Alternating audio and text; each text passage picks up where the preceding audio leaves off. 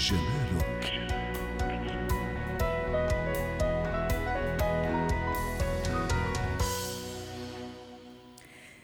أهلا بكم. نتحدث اليوم عن النمش. هذه المشكلة التي قد تعاني منها بعض السيدات وبعض الصبايا أيضا. هي تشكل مشكلة بالنسبة لهن بالنسبة لهن لأنها قد تؤثر بشكل أو بآخر على مظهرهن العام. للحديث عن هذا الموضوع ينضم إلينا عبر الهاتف الدكتور محسن قلعجي اختصاصي الأمراض الجلدية وتجميل يسعد مساك. دكتور محسن بشكل بسيط ما هي هذه المشكلة؟ كيف يمكن أن نعرفها؟ لما نحكي عن النمش الحقيقة هو آه، عبارة عن تصبغات بسيطة سطحية موجودة على آه، منطقة البشرة آه، القسم العلوي طبعا السطحي جزء منها طبعا نحن بنعرف إنه بيكون وراثي وعائلي يعني في عائلات معينة مشهورة بهذا الموضوع. القصة بتزيد أحيانا بسبب عوامل جزء من العوامل ممكن يكون خارجية وأهمها طبعا الشمس والتعرض لها. وفي جزء ثاني اللي هو العوامل الهرمونية أحيانا بالذات عند الصبايا بعمر معين بنشوف إنه بلش النمش يزيد بلش ياخذ لون داكن أكثر دكتور محسن عند بعض الثقافات تعتبر يعني شيء جميل أو أو علامة علامة جمال ليس كذلك عند بعض المجتمعات وبعض بعض الشعوب لكن في ناس لا تتقبل هذه المشكلة هل هل ممكن إنه أحيانا ما تكون عندي أنا كصبية أو سيدة هذا المشكل وفجأة يظهر؟ ممكن طبعا. في ناس عندهم بالجينات موجود إنه راح يظهر عندهم نمش ولكن يعني الاستعداد. بأي عمر تماما برافو عليك الاستعداد. نتيجة التعرض للشمس. أحيانا بنقول وهج الشمس يعني ممكن شمس غير مباشرة. لو قاعدين بطقس حار ولكن بالفي مش تعرض مباشر للشمس. بدون تطبيق واقي شمسي ممكن تظهر. أنا بتفق معك الحقيقة إنه هي أحيانا بتكون عبارة عن علامة جمالية لطيفة جدا وحلوة ومميزة.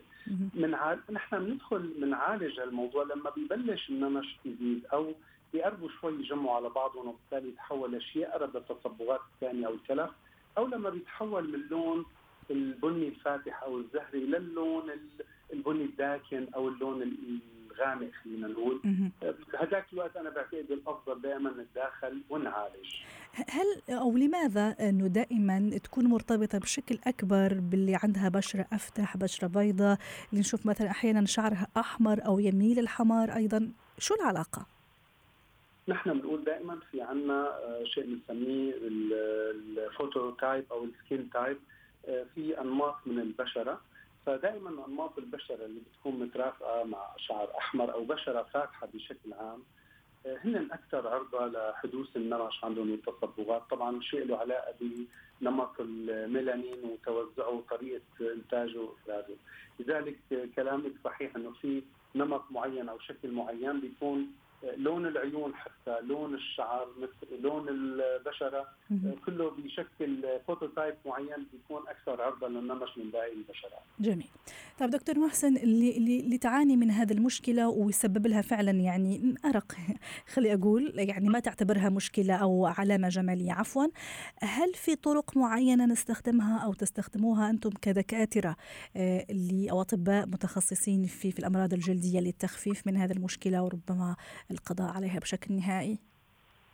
هلا أنا بتشكرك أول إنه نحن ما سميناها مشكلة، نحن قلنا القصة البسيطه اللي موجودة كيف ممكن نحن نتعامل معها للناس اللي هن حابين إنه يخففوا شوي منها، طبعا بنبلش بالشيء الأبسط والشيء الفعال حقيقه اللي هو الكريمات الفعالة، الكريمات الطبية، برجع بأكد على كلمه طبيه لأنه كثير في منتجات بالأسواق.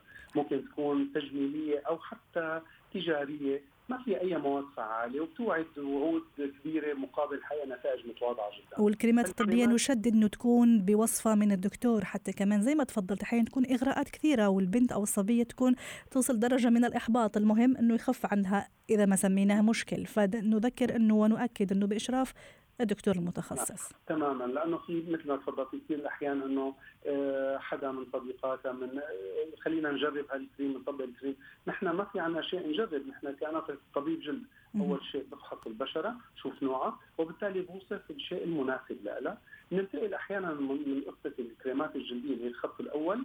آه، والفعال لموضوع التأشير الكيميائي أحيانا نلجا له بنتائج جيدة جدا. آه كمان بنقول في بعض أنواع الأجهزة اللطيفة اللي هي ممكن تشيل الميلانين بالطبقة السطحية من الجلد. ممكن نعمل عدة جلسات بنتائج لطيفة تحسن كثير الشكل العام خلينا نقول توحد ألوان البشرة وتعطينا رونق للبشره وتخفف من حدة النمش الموجود. يقال أنه الجزر والشمام من ال يعني الفواكه والخضروات المهمة والتي قد تقضي أو تساهم في القضاء على هذا الموضوع لأنه يحتوي على فيتامين اي، هل هذا صحيح؟ آه الفيتامين اي آه حتما هو من الأشياء المثبتة علميا أنه بيسبب نوع من أنواع التقشير وهو مجدد للبشرة وهو فعال بترميم حتى الدي ان اي تبعت الخلايا وبيعطي خلايا شباب أكثر وبينظم الأهم إنه بينظم إنتاج الميلانين. آه، هلأ موجود ببعض أنواع آه، الفواكه ولكن ببعض بالأشياء بصراحة العشبيه أو ما في دراسات كافية عن هالموضوع. لنقدر نحن نعمم الموضوع للجميع، نحن عادة أطباء جلد بنوصف كريمات معروفة وبتكون فعالة. ناخذ نتيجة أكيدة. أنا دائما أحب أسأل هذا السؤال في الختام دائما لما يكون موضوع طبي وتجميلي آه، المطبخ دائما أيضا هو منافس قوي للأطباء وللدكاترة. آه، هل فعلا ممكن نستنجد بأي شيء كريمات ماسكات طبيعية عسل على ليمون على ماء ورد؟ الأشياء اللي ممكن نسمعها سواء من جداتنا من أمهاتنا من صديقاتنا وحتى على أحيانا على مواقع التواصل الاجتماعي وعلى الإنترنت واليوتيوب وما إلى ذلك. طبعا ممكن أنا مع الماسكات الطبيعية وممكن ناخذ استشارة لطيفة قبل خلينا نقول ماسك الليمون ال citric acid هو هو عبارة عن مواد فعالة.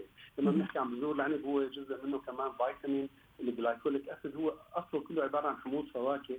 ما في مانع ابدا بس ننتبه آه، معرفة نوع البشرة. قد يكون في أنواع من البثور أو الحبوب حب الشباب موجود على البشرة. وتطبيق هيك أنواع من الماسكات ممكن يكون له نتيجة عكسية.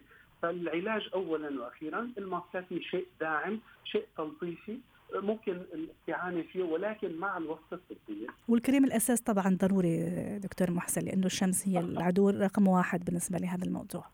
تمام. أنا بشكرك إنه التفتنا لموضوع الوقايه، الموضوع مش بس علاج الواقي الشمسي تطبيقه بأصوله اللي هو 15 أو 20 دقيقة قبل التعرض للشمس، نعم. تكرار تطبيقه زمينا بالشمس، والشيء الأهم إنه حتى بيوم غائم ما ننسى انه نطبق لأنه الشمس تقدر تخترق 80% من نعم. الغيوم. والشمس يقال إنه في في, في الأجواء الغائمة تكون أكثر قوة لأنه تكون نازلة شوي حسب ما, ما قريت أنا. وبيكون نحن شوي مش منتبهين كثير عليه ومش أخذين احتياطاتنا لها صحيح. شكرا لك دكتور محسن قلعجي اختصاصي الامراض الجلدية والتجميل ضيفنا من دبي ويعطيك العافية. حياتنا.